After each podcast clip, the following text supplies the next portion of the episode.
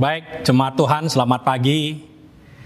Hari ini adalah hari yang bersuka cita karena kita tahu bahwa Tuhan selalu berserta dengan kita. Diberkatilah kalian yang berada di rumah di mana pun kalian berada yang sedang menonton kebaktian online ini.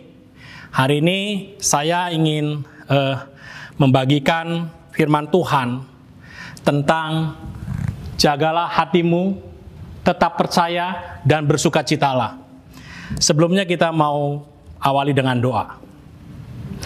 Kami berdoa pagi hari ini Tuhan bahwa kebenaran firman Tuhan akan dinyatakan. Engkau bekerja di mana pun eh, orang-orang yang melihat, engkau mengurapi, engkau memberkati.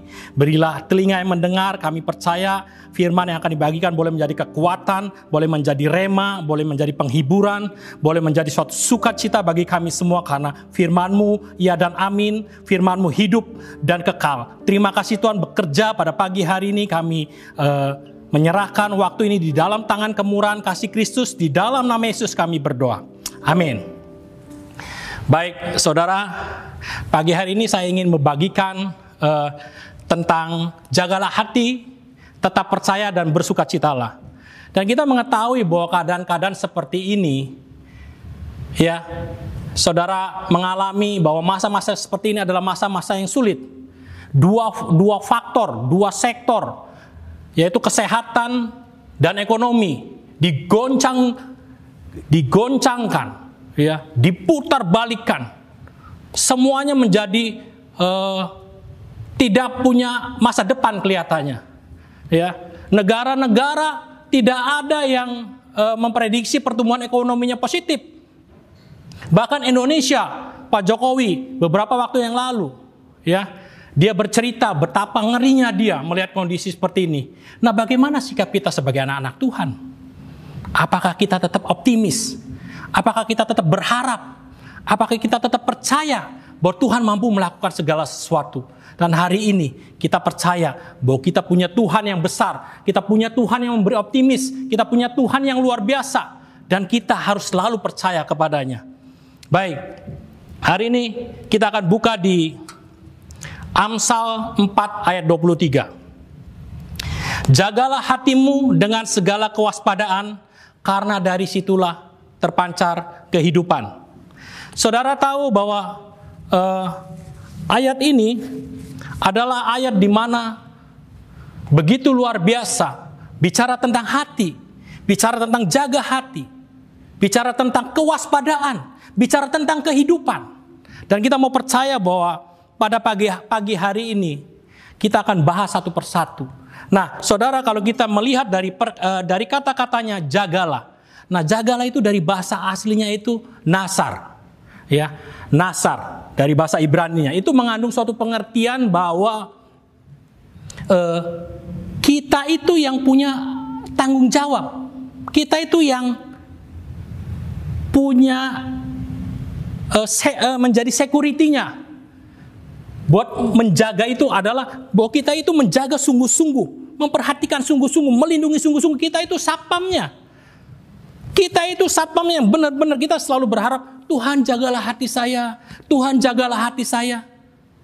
Bukan, tapi kita yang menjaga hati kita itu uh, asal dari katanya nasar seperti itu.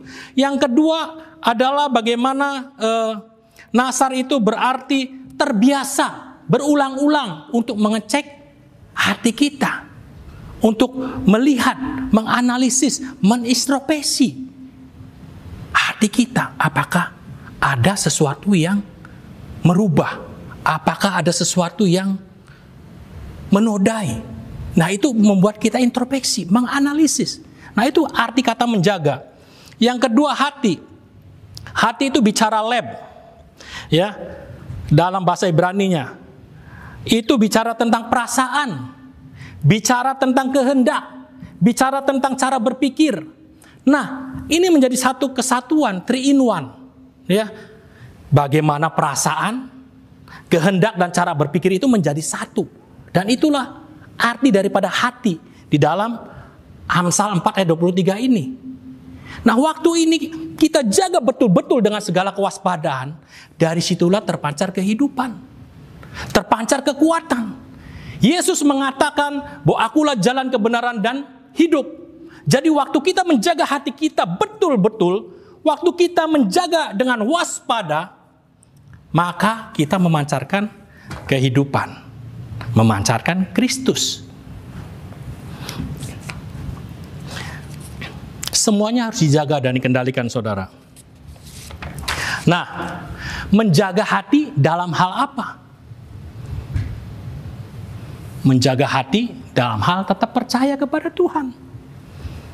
Bukan sesuatu yang mudah. Di zaman seperti ini, keadaan-keadaan seperti ini, bukan suatu hal yang mudah untuk menjaga hati kita, untuk tetap percaya kepada Tuhan. Betul tidak yang menonton di sini? Betul ya? Susah. Bagaimana kita tetap percaya kepada janji-janji Tuhan? Bagaimana kita tetap percaya dengan Tuhan yang selalu memegang kendali hidup kita? Itu bukan suatu hal yang mudah dalam kehidupan kita. Ya. Mazmur 121 ayat 1 sampai 4 mengatakan, "Aku melayangkan mataku ke gunung-gunung. Dari manakah datangnya pertolongan? Pertolonganku datangnya dari Tuhan yang menciptakan langit dan bumi. Dia tidak akan membiarkan kaki kaki kita goyah. Dia Tuhan yang menjadi penjaga yang tidak membiarkan kaki kita goyah dan dia tidak pernah terlelap. Kita harus percaya kepada dia. Kita punya Tuhan yang hebat. Tuhan yang luar biasa. Mazmur 46 ayat 1 mengatakan Allah itu bagi kita tempat perlindungan dan kekuatan sebagai penolong dalam kesesakan sangat terbukti. Jadi apa lagi? Kita punya Tuhan yang luar biasa yang memegang janji-janjinya. Bagi dia iya dan amin siap janji-janjinya. Kenapa kita tidak percaya? Hati kita goncang tidak terjaga. Wah ekonomi gimana? Ekonomi hancur pengangguran di mana-mana, krisis moneter di mana-mana, faktor kesehatan banyak yang ter terjangkit ak akibat virus uh, COVID-19. Firman Tuhan mengatakan, Tuhan Yesus mengatakan, damai sejahtera, ya, damai sejahteraku tinggalkan kepadamu, damai sejahteraku berikan kepadamu. Apa yang ku berikan kepadamu tidak seperti yang dunia berikan kepadamu Janganlah gelisah dan gentar hatimu. Tuhan Yesus katakan begitu. Waktu saya mengalami hal seperti ini awal-awalnya hati saya goncang. Hati saya agak gentar. Apa yang terjadi? Saudara pernah dengar kesaksian saya waktu saya memutuskan untuk melepaskan uh, beberapa dari bisnis saya. Saya berpikir, ya udahlah dengan sisa bisnis yang ada dua cukuplah kalau keadaannya normal. Dan ternyata dua dari bisnis saya yang satunya itu sampai akhir Desember pun tidak berjalan. Dan tidak tahu apakah berjalan atau tidak. Yang satunya lagi ambrol dalam tiga bulan baru dapat satu order. Secara logika, ya, secara hitungan matematika tidak mungkin. Jadi apa yang harus saya lakukan? Percaya saja kepada Tuhan. Just do it. Hanya percaya saja. Percaya itu adalah suatu keputusan. Ya, percaya itu suatu keputusan. Ada keberanian, ada harga yang harus dibayar. Ya. Percaya itu sering kali melawan logika. Ya, waktu kita percaya, ya, itu bukan hal yang mudah. Bukan hal yang mudah. Saudara, Mazmur 37 ayat 5 mengatakan serahkanlah hidupmu kepada Tuhan dan percayalah kepadanya dan ia akan bertindak. Saudara, apakah kita sungguh-sungguh menyerahkan hidup kita? Apakah kita mau sungguh-sungguh surrender kepada Tuhan? Apakah kita benar-benar percaya bahwa Tuhan mau melakukan segala sesuatunya dalam kehidupan kita? Ya, saudara tahu Matius 14 kisah Yesus berjalan di atas air. Ya, waktu murid-muridnya setelah uh, berkumpul dengan Yesus, akhirnya Tuhan Yesus bilang saya mau sendirian dan mereka murid-muridnya pergi dan akhirnya dengan perahu mereka pergi ke danau dan pada pukul 3 uh, eh, pagi terjadi uh, gelombang angin sakal yang begitu beras mengombang-ambingkan perahunya. Dan pada saat itu terjadi, badai terjadi, penderitaan, goncang ganjing seperti itu. Saya pernah mengalami naik perahu di kepulauan seribu ombaknya begitu gede. Adik-adik saya semua teriak, ah, aduh, pak ini gimana, pak ini gimana. Semuanya takut. Dan saya juga percaya mereka mengalami hal yang sama. Waktu mereka takut, waktu mereka gentar, gelisah, mereka melihat ada satu sosok. Wah, ada orang yang berjalan di atas air, man. Hantu, hantu. Mereka berteriak. Waktu mereka takut, mereka melihat hantu. Padahal mereka melihat Tuhan. Seringkali Tuhan kita dianggap sebagai hantu. Bukan sebagai Tuhan. Dan Tuhan Yesus mengatakan, ini aku, ini aku. Dan apa yang Petrus lakukan? Tuhan, jikalau itu engkau, suruhlah aku datang kepadamu. Dan saudara tahu, apakah ayat itu selesai di situ? Saudara bisa baca di ayat itu. Apakah Petrus langsung keluar dari perahu dan dia terjun, dia berenang, bak, bak, bak, bak. Aku akan datang kepadamu. Memang firman Tuhannya menyatakan, kalau itu engkau, biarlah aku datang kepadamu. Saudara nelayan semua punya kemampuan untuk berenang. Saya belum pernah mendengar ya kalau nelayan itu tidak bisa berenang. Saya nggak tahu itu nelayan nelayan ya jadi-jadian ya. Apa yang Petrus katakan? Tuhan jikalau itu engkau, jikalau itu engkau, biarlah aku datang kepadamu dan berjalan di atas air. Itu kata-katanya. Jikalau itu engkau Tuhan, ya aku mau percaya. Ya, dan biarlah aku boleh melangkah berjalan di atas air. Men, di zaman sekarang sampai dari saya lahir ya sampai mati saya belum eh sampai mati. Saya belum mati saudara. Ya mati di dalam dosa ya. Saya belum pernah melihat orang berjalan di atas air. Ada nggak saudara pernah melihat orang berjalan di atas air? Tidak ada itu melawan logika itu melawan melawan apa ya hukum alam nggak ada saudara kalau berjalan di atas air itu pasti tenggelam tapi Petrus mengatakan, jikalau engkau itu Tuhan, biarlah aku menghampiri engkau dan aku berjalan di atas air. Itu yang Petrus katakan.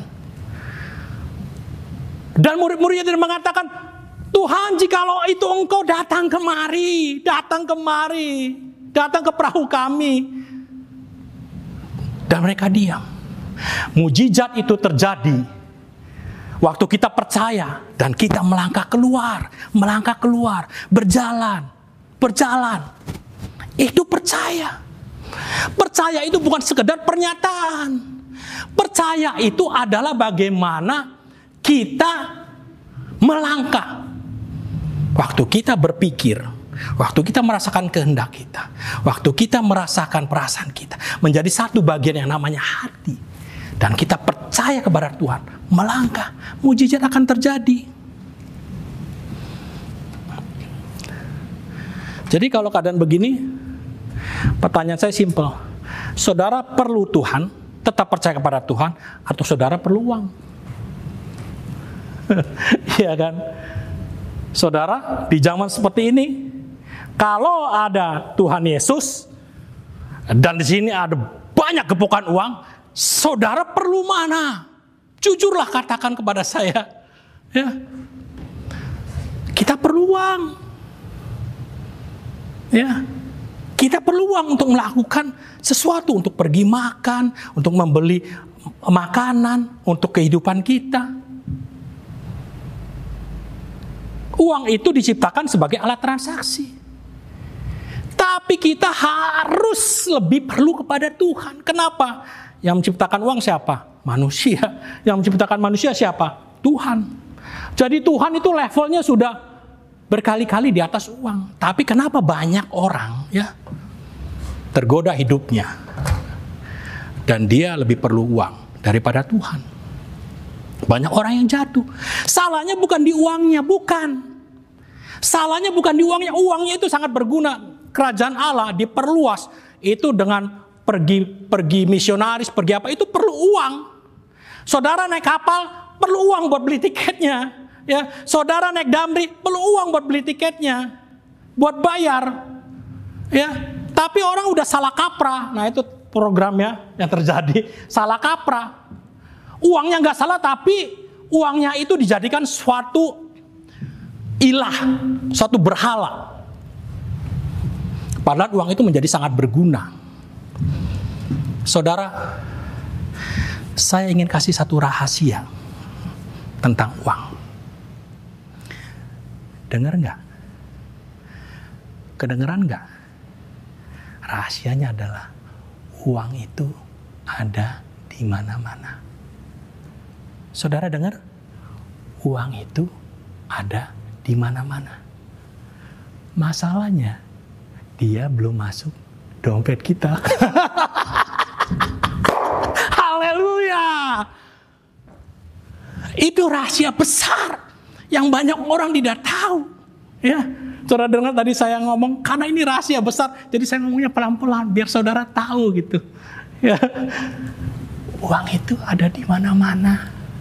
Tapi masalahnya dia belum masuk dompet kita. Haleluya. Haleluya. Saudara waktu saya mengalami wah krisis seperti ini.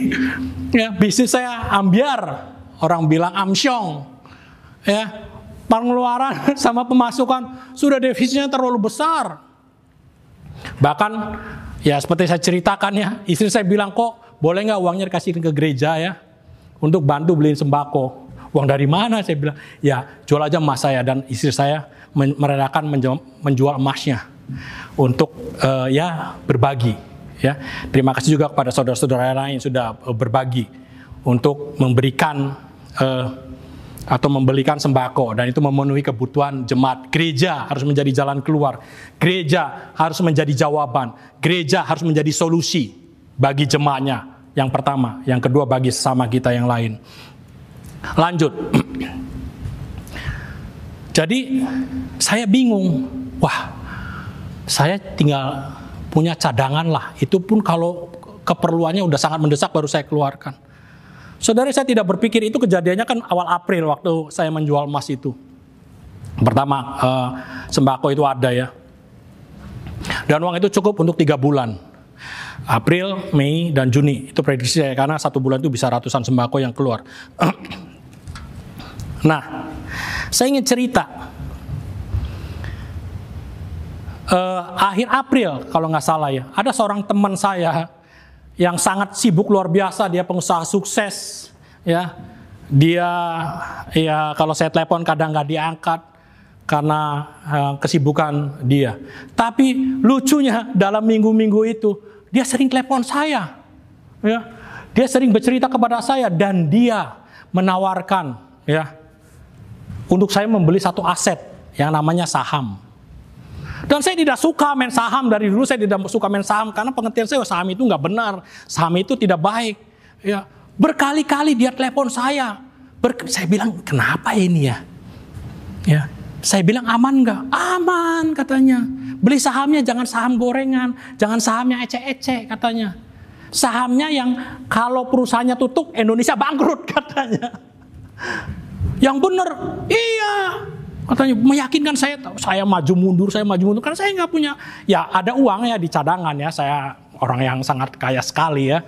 Indonesia itu kan cadangannya paling banyak juga ribuan triliun cadangannya. Jangan pikir Indonesia nggak ada uangnya. Saya juga banyak ya triliunan kan saya udah, udah bilang tadi uang ada di mana-mana. ya itu yang terjadi. Akhirnya uh, pertengahan Mei. Ya mungkin telepon udah 10 kali lebih lah. Mungkin dia juga ayo gimana kamu? Ayo ini cepet cepet. Ini kesempatan yang tidak akan terulang ya. Selama 10 tahun 20 tahun nggak mungkin akan terulang. Jarang momen seperti ini. Nah saya diskusi dengan istri saya. Akhirnya saya mengambil cadangan cadangan devisa saya. Saya mengambil setengahnya karena saya tidak akan menghabiskannya. Saya jual itu cadangan devisa saya. Saya belikan saham saya ingat tanggalnya 18 dan 19 Mei. Saudara saya nggak terlalu memperhatikan, saya beli. Ada pilihan saham A dan B ya. Dua-duanya bank terbesar. Satu bank swasta terbesar satu bank BUMN terbesar asetnya paling besar lah. Jadi saya pilih uh, bank BUMN yang terbesar itu. Saya masukkan.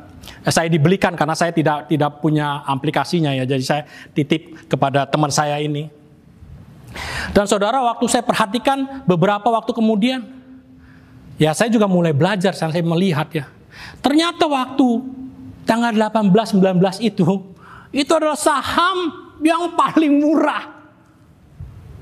Ya, harga sahamnya paling murah. Dan apa yang terjadi saudara?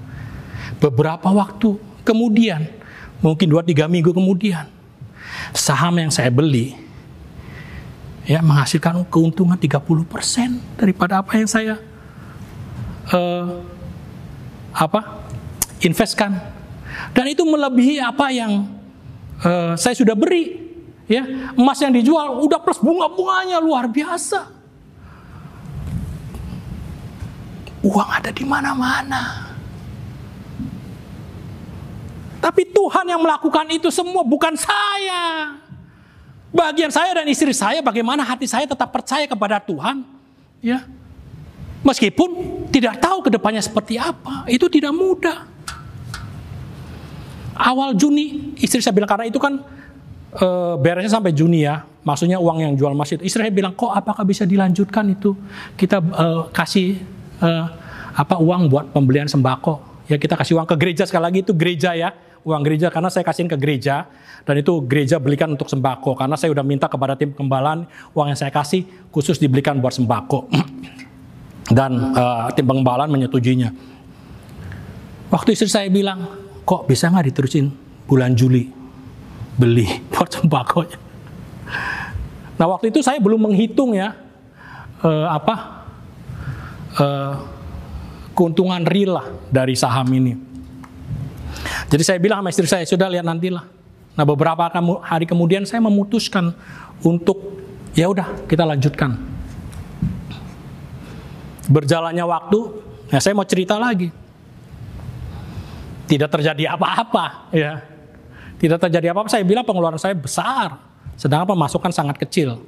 Terlalu jomplang lah defisitnya tapi akhirnya yang terjadi adalah minggu kemarin saya ingat tanggal 6 saya dititipi untuk sewa ruko saya dititipi untuk sewa ruko dan apa yang terjadi saya sebenarnya udah agak malas ya karena rukonya ada di kota baru tapi ada orang yang telepon saya berkali-kali, saya mau lihat rukonya, saya mau lihat rukonya. Ya saya dititipin ipar saya. Jadi ini udah hari Senin aja. Hari Senin kebetulan ada dua orang yang mau ketemu, mau melihat rukonya. Dan ketemu jam 9 pagi, dia lihat-lihat, saya langsung suka ya, saya langsung suka ya. Nah beberapa kali kalau orang nawar ruko itu kan kalau kondisi begini kan udah nawar semurah-murahnya ya. Saya udah males makanya meladeni orang yang mau sewa ruko karena mereka mau mau, usaha apa ya. Harganya misalnya 100 ditawarin cuma 50 ya. Saya bilang malas juga ya. Tapi waktu hari Senin itu ya minggu kemarin bulan Juli awal bulan Juli dan saya tidak tahu apa yang apa yang harus saya lakukan dengan dengan dengan uh, komitmen kami untuk untuk membeli sembako lagi ya karena itu kan kami uh, berjanji kepada uh, uh, apa tim pengembalian bahwa kami akan melakukan itu dan kami ketemu dia lihat-lihat dari atas ke bawah dan saya suka ya saya suka ya berapa saya buka harga sekian boleh kurang nggak ya? Kurang sedikit lah. Udah gini aja. Ya karena saya titipin dengan nilai nominal harus segini ya netnya ya. Saya bilang, nih udah buat ibu netnya segini. Dua tahun ya jadi segini. Saudara, gampang sekali. Ya oke, jadi deal. Langsung DP. Langsung DP. Ya. Dan lucunya pagi-pagi sebelumnya, sebelum saya ketemuan itu, uh, yang punya rukonya itu teleponnya besok saya mau ke Bandung ya katanya. Saya mau ada ada perlu katanya. Oh ya, tapi saya tidak tahu karena belum terjadi deal transaksi ruko. Dan saya cukup senang. Saya sangat senang. Ya, deal. Akhirnya saya mendapatkan komisi, dilebihin komisinya lagi. Istri saya mendapatkan nilai yang sama. Seperti komisi saya yang dilebihin. Wah, istri saya nggak kerja apa-apa, dapat komisinya lagi. Double komisi. Uang itu ada di mana-mana. Asal kita percaya kepada Tuhan, Kita punya Tuhan yang besar, kita punya Tuhan yang membuat mujizat, kita punya Tuhan yang luar biasa. Dia pencipta semesta, langit dan bumi bikinan Dia. Apalagi apa yang bisa dikerjakan Tuhan belum tentu bisa dikerjakan dengan uang, kebahagiaan. Uang bisa beli. Gak bisa beli sukacita, uang belum tentu bisa beli. Tapi Tuhan bisa memberi sukacita kepada kita semua. Tetap percaya kepada Tuhan. Kita selalu berpikir, wah kenapa kita harus tetap percaya kepada Tuhan? Ya memang kita harus percaya Tuhan, itu pegangan satu-satunya. Ya, Hidup kita harus jadi berkat buat banyak orang. Di masa-masa seperti ini, yang kami lakukan adalah bagaimana kami menyebar harta kami, kami memberkati banyak orang, kami melimpahi semua apa yang kami punya. Kami tetap percaya Tuhan kami boleh menjadi berkat dalam kehidupan kami. Itu karena Tuhan kami, bukan karena kami. Kami itu sudah nggak punya apa-apa, nggak punya kemampuan apa-apa, sudah ambiar semua. Tapi dari Maret, April, Mei, Juni, Juli, Tuhan mencukupi semua kehidupan kami. Bahkan saya punya celengan konvensional, saya merasa aneh ya. Itu saya tiap bulan bisa nabung. Ada kelebihan tiap bulan saya bingung. Hitungan matematika sudah nggak kena, sudah nggak kehitung, tapi ada. Dan saya percaya bahwa tabungan yang ya saya celengin itu akan jadi berkat buat kami boleh pergi ke luar negeri. Ya, amin. Ya saudara-saudara yang sini mau ikut pergi teman saya, puji Tuhan. Haleluya. Tetap percaya kepada Tuhan. Tuhan saya tidak punya apa-apa saya menderita, tetap percaya kepada dia. Ya, menjadi berkat itu hal yang simpel. Istri saya bikin masker, saudara. Nilainya kalau dia hitung, kalau sehari, kalau dia pakai tangan cuma jadi satu. Sekarang sudah beli mesin mesin portable. Jadi bisa sehari bisa 6 sampai 10. Nilainya cuma 1000. Ya, mungkin nggak ada nilai seribuan lah. Tapi masker itu bisa jadi berkat. Ya, udah udah ratusan yang dikasih-kasih ke orang. Ya beberapa waktu yang lalu istri saya bikin untuk uh, anak-anak di Rut.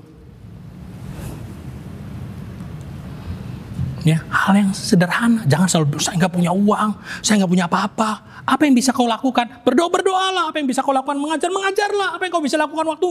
Berikan waktumu. Berkatilah. Waduh nanti saya gimana? Saya gimana kondisi begini morat marit? Ya percaya sajalah Tuhan yang akan memelihara hidupmu. Dia yang pegang kendali dalam hidupmu. Kalau kita percaya, kita melangkah, kita bukan diam, kita bukan diam di atas perahu, di, di dalam perahu. Ya, ya tadi saya bilang serahkanlah hidupmu kepada Tuhan dan percayalah. Ya waktu dua ya komponen ini ya serahkanlah surrender dan percaya kita akan melihat Tuhan bertindak. Ya, luar biasa. Saudara saya Sekali lagi saya tetap mempercayakan, kami tetap mempercayakan, saya dan istri saya dan keluarga saya mempercayakan bagaimana Tuhan memelihara hidup kami. Saya tadi pagi menulis ya, berapa banyak berkat makanan yang dikirim ke kami.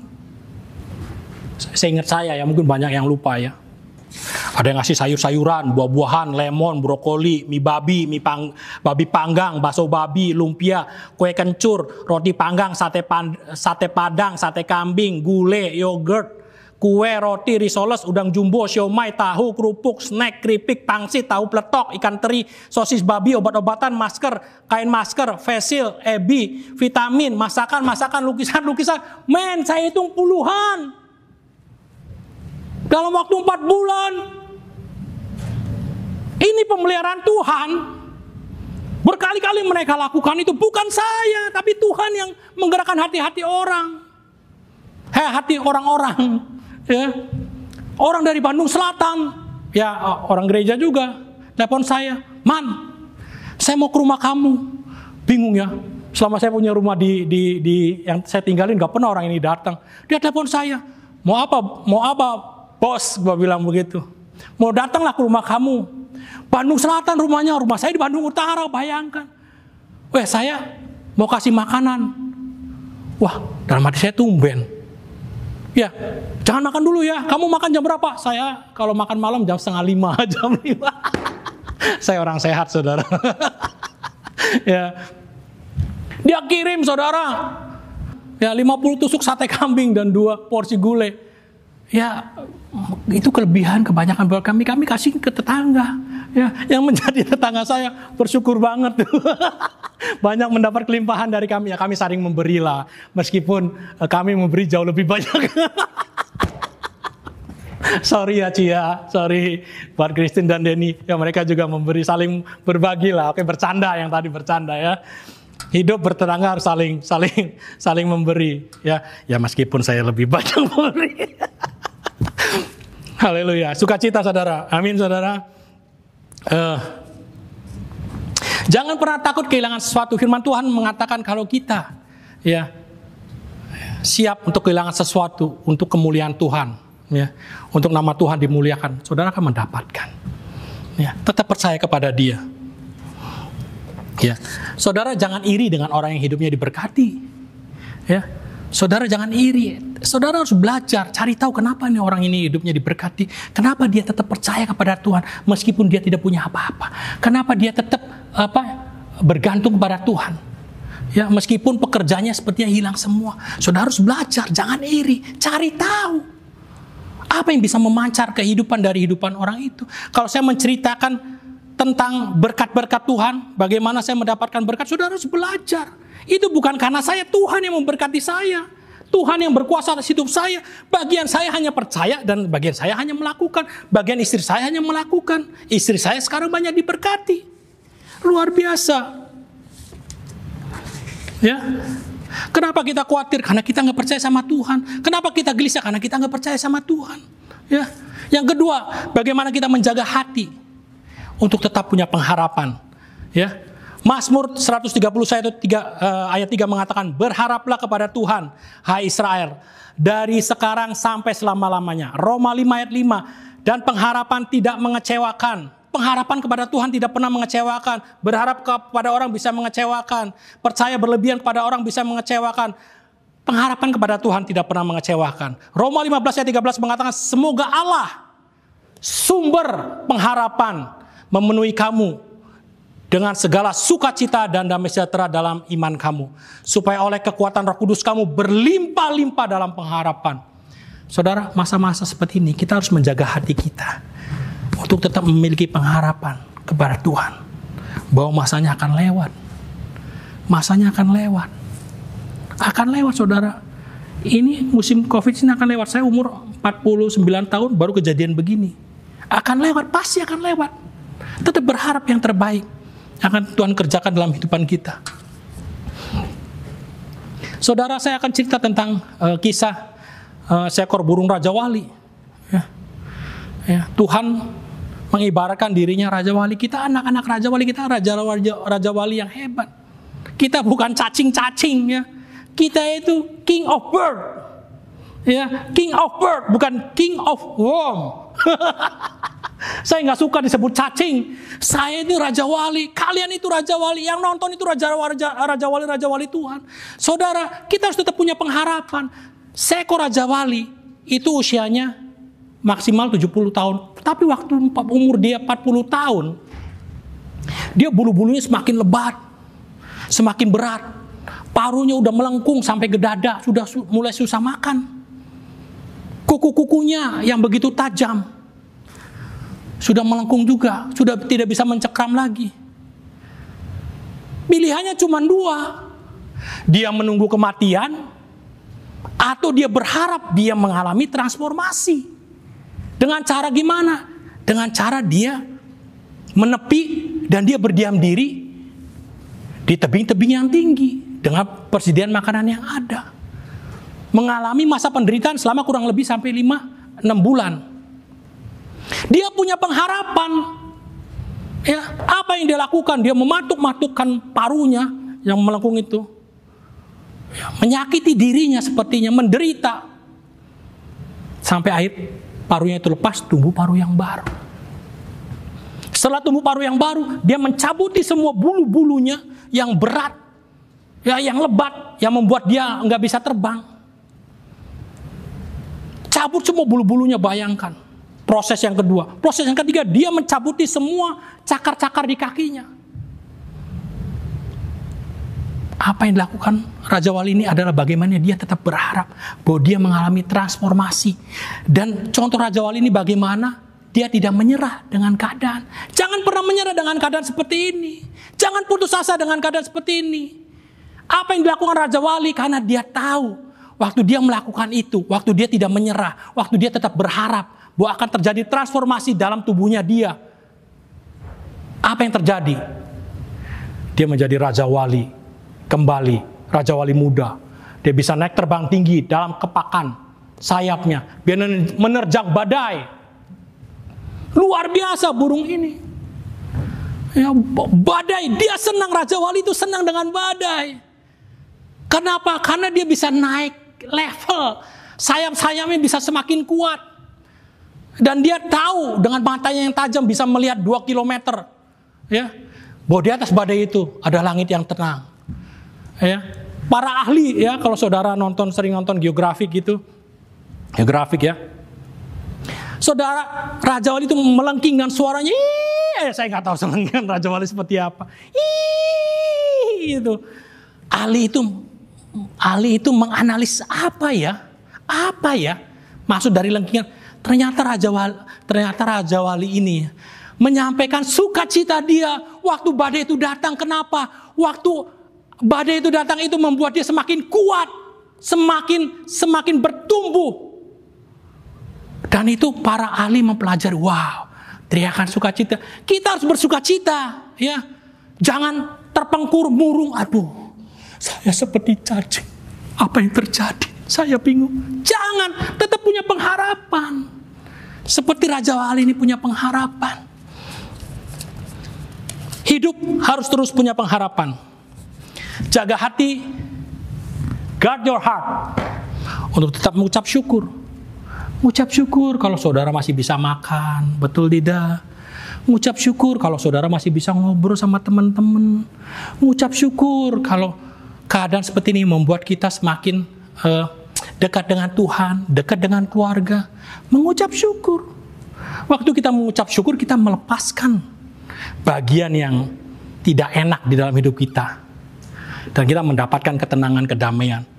Ya, mengucap syukur. 1 Tesalonika 15 ayat 18, mengucap syukurlah dalam segala hal, sebab itulah yang dikendaki Allah di dalam Kristus Yesus bagi kamu. Ya, Filipi, Filipi 4 ayat 6 mengatakan, janganlah hendaknya kamu khawatir tentang apa pun juga, tetapi nyatakanlah dalam segala hal keinginanmu kepada Allah dalam doa dan permohonan dengan ucapan syukur. Waktu kita mengucap syukur akan mendatangkan ketenangan dan kemenangan ucapan syukur melepaskan kita ya dari beban yang berat dan Allah akan melakukan bagiannya.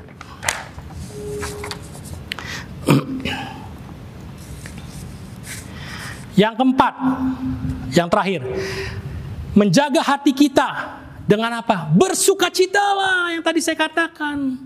Filipi 4 ayat 4 mengatakan bersukacitalah senantiasa Sekali lagi kukatakan bersukacitalah di dalam nama Yesus di mana pun engkau menonton pada eh, pagi hari ini. Aku katakan bersukacitalah senantiasa. Sekali lagi kukatakan bersukacita, bersukacitalah di dalam Tuhan. Bersukacita. Bisa menghurap, menghurap, menghirup udara yang segar. Ya, yang keluarga-keluarga bisa main dengan anak-anak. Saya suka jalan kaki menemani anak naik sepeda, main bulu tangkis. Saya menikmati hari-hari saya. Ya, saya bersuka cita dengan keadaan ini. Saya mengalami uh, hubungan yang intim dengan istri saya. Ya, banyak diskusi, banyak bercerita. Saya banyak uh, berbicara dengan teman-teman. Ya, ada yang ngajak minum kopi, oke. Okay. Ada yang mau ngajak sarapan pagi, oke. Okay. Ada mau ngajak makan siang, oke. Okay. Ngobrol, sukacita nikmati masa-masa seperti ini. Mengucap syukur, Bersukacitalah senantiasa. Sukacita itu adalah buah roh, betul tidak? Ya. Sama, buah roh itu apa saudara? Nah, buah kasih, ya. Buah kasih itu adalah misalnya Michael dan Faye, itu adalah buah cinta, buah kasih dari hubungan intim saya dengan istri saya. Demikian juga dengan buah roh. Buah roh itu dihasilkan dari hubungan intim kita dengan Tuhan. menghasilkan buah roh. Sukacita itu buah roh. Jadi bergaulah dengan Tuhan, berhubung intiman dengan Tuhan supaya buah-buah roh itu dihasilkan dalam kehidupan itu. Sukacita, kemurahan hati, kesetiaan, damai sejahtera dan segala macam tentang buah-buah roh itu. Ya. Bersukacita. Di dalam keadaan seperti ini, nikmati saja. Nikmati saja. Ya kalau masa-masa seperti ini yang ya saya juga harus mengatakan dengan jujur yang saya kurang bisa menikmati itu waktu saya menjadi guru buat dua anak saya ya karena dua anak saya kan sekolahnya di di di sekolah yang bahasa pengantarnya pakai bahasa Inggris ya ah, tapi ya saya mau belajar untuk tetap bersuka cita dan saya tahu juga ya, kalau ada ibu Denise ya, Mrs. Strickland, Ibu Yohan yang menonton ya, saya mendengar metodenya mau, mau, mau diubah, diganti. Ah ya kalau akhir pun tidak diganti, saya tetap mau bersuka cita. Yang menikmati. Itu yang harus kita lakukan di dalam Tuhan. Jagalah hati kita. Jagalah hatimu. Ya. Benar-benar supaya tidak ada hal-hal yang jelek yang masuk dalam kehidupan kita. Menjaga hati kita tetap percaya, menjaga hati kita tetap punya pengharapan, menjaga hati kita tetap mengucap syukur, menjaga hati kita tetap bersuka cita. Itulah. Dan waktu itu terjadi mujizat akan datang. Berkat akan menghampiri. Ya, saya selalu pegang janji Tuhan. Saya belajar untuk terus pegang janji Tuhan meskipun kadang goyah. Ya, kadang ya gentar. Tapi saya terus untuk belajar, untuk tetap percaya kepada dia, untuk terus punya pengharapan kepada Tuhan, untuk terus percaya kepada dia, eh, mengucap syukur, bersuka cita. Janji-janji Tuhan ya dan amin. Saya klaim semua janji Tuhan. Tuhan adalah pertolonganku, Tuhan adalah kekuatanku, Tuhan adalah perlindunganku, Tuhan adalah penghiburanku. Di dalam naungan kepaksayamu aku berlindung. Tuhanlah pertolonganku. Tuhanlah sumber berkatku. Katakan itu dalam hidup kita, hal-hal yang positif, hal-hal yang optimis, jangan hal-hal yang pesimis. Ya, Yesaya 60 ayat 5 mengatakan, ketika ya mataku melihat, aku akan heran dan mukaku akan berseri-seri.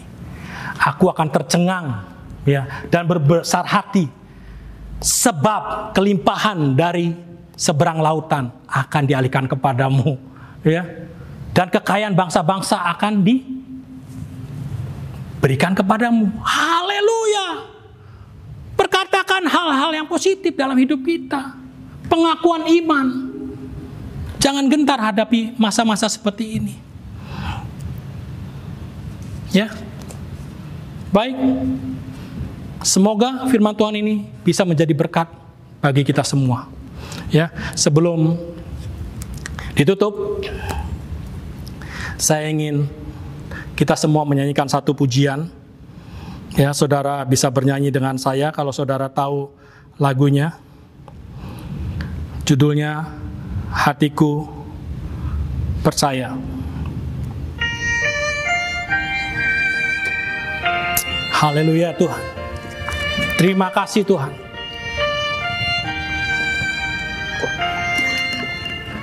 Berkat dan kemurahan Tuhan menghampiri kalian semua di mana pun kalian berada. Buat orang-orang yang menonton kebaktian ini. Melihat jalanmu saat ku tak mengerti rencanamu namun tetap ku pegang janjimu pengharapanku hanya padamu. Hatiku percaya. Hatiku percaya.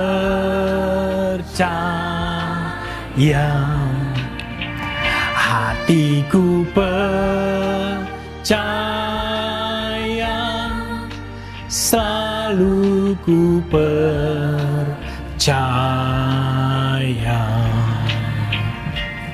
haleluya Berkat Tuhan mengalir atas kalian semua. Kemurahan Tuhan, hadirat Tuhan, di mana pun engkau berada pada pagi hari ini. Terimalah, terimalah berkat daripada Tuhan. Haleluya Tuhan.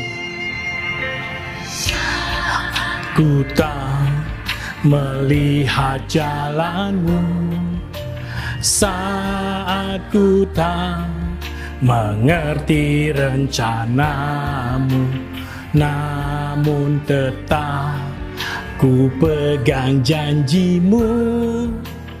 Pengharapanku hanya padamu. Hatiku percaya hatiku percaya. Nyanyikan itu saudara. Hatiku percaya sayang Hatiku percaya Selalu ku percaya. Haleluya. Hatiku percaya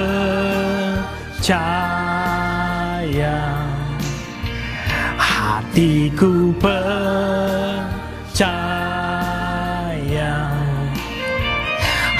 hatiku percaya selalu ku percaya.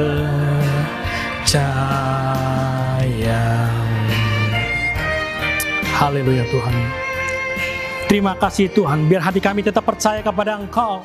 Biar hati kami tetap menaruh pengharapan kepada Engkau. Biar hati kami terus Tuhan mengucap syukur pada Engkau. Dan biar kami tetap uh, ber, bersuka cita dalam keadaan seperti ini Tuhan. Kami percaya kepada Engkau Tuhan. Haleluya Tuhan. Terima kasih Tuhan. Yes, hatiku percaya. Amin Tuhan. Yes God. Hatiku percaya.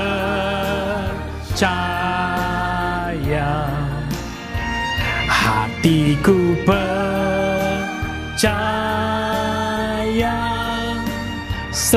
Selalu ku percaya.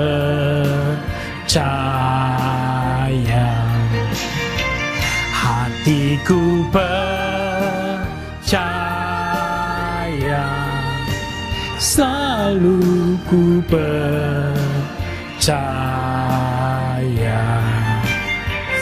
Yes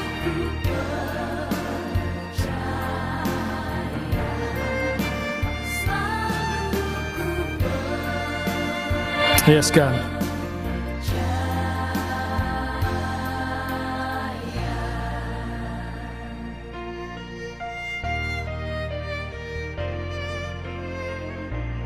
Amin Tuhan. Terima kasih untuk pagi hari ini.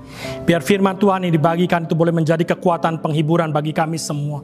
Di masa-masa seperti ini, biarlah uh, hati kami terus percaya kepada Engkau. Biarlah hati kami tetap percaya kepada Engkau. Biarlah hati kami tetap percaya kepada Tuhan, pencipta langit dan bumi. Tuhan yang hebat, Tuhan yang luar biasa. Tuhan yang melakukan mujizat. Tuhan yang bisa mendatangkan berkat dan pertolongan tepat pada waktunya. Terima kasih Tuhan. Biarlah kami tetap menjadi orang-orang yang selalu punya pengharapan yang baik di dalam Engkau. Biarlah kami punya hati yang sungguh-sungguh bahwa masanya akan lewat, musimnya akan lewat dan kami uh, boleh uh, menjadi orang-orang yang berubah, bertransformasi menjadi orang-orang yang tidak mudah menyerah, yang sungguh-sungguh Tuhan uh, terus berjuang di ladang-ladang yang Engkau Tuhan. Terima kasih kami akan terus mengucap syukur dalam setiap keadaan kami dan kami akan terus bersuka cita. Terima kasih Tuhan biar ini boleh menjadi berkat buat banyak orang yang menonton. Di dalam nama Yesus kami berdoa.